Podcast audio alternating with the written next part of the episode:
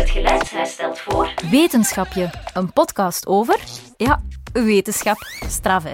Over kleine en grote vragen van grote en kleine denkers. Hallo iedereen, ik ben Leen van Wetenschapje.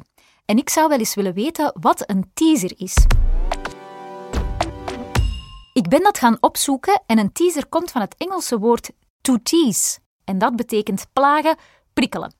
Mensen prikkelen dus om iets te doen of naar iets te luisteren. Dat is teasen. Ik zou je bijvoorbeeld kunnen teasen door te zeggen dat seizoen 2 van Wetenschapje supercool gaat worden. Dat we gaan praten met Siri, die zal vertellen of ze wel of niet verliefd kan worden. Hoi. Ja, hallo. Dag. Ja, ja, Siri, dag.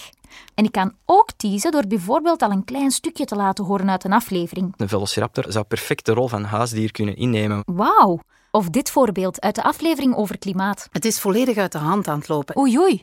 Echt? En op die manier krijg je al een idee over wat je kan verwachten van seizoen 2 en kan je waarschijnlijk niet meer wachten tot het zover is. Zeg, maar wacht eens even. Dit is gewoon een teaser voor seizoen 2 van Wetenschapje. Dan komt nu waarschijnlijk de voice-over. Dat is de officiële stem die de nuttige info geeft aan het einde van een teaser. Luister goed, hè? Zet je schrap voor seizoen 2 van Wetenschapje vanaf 18 november op wetenschapje.be en alle podcastkanalen.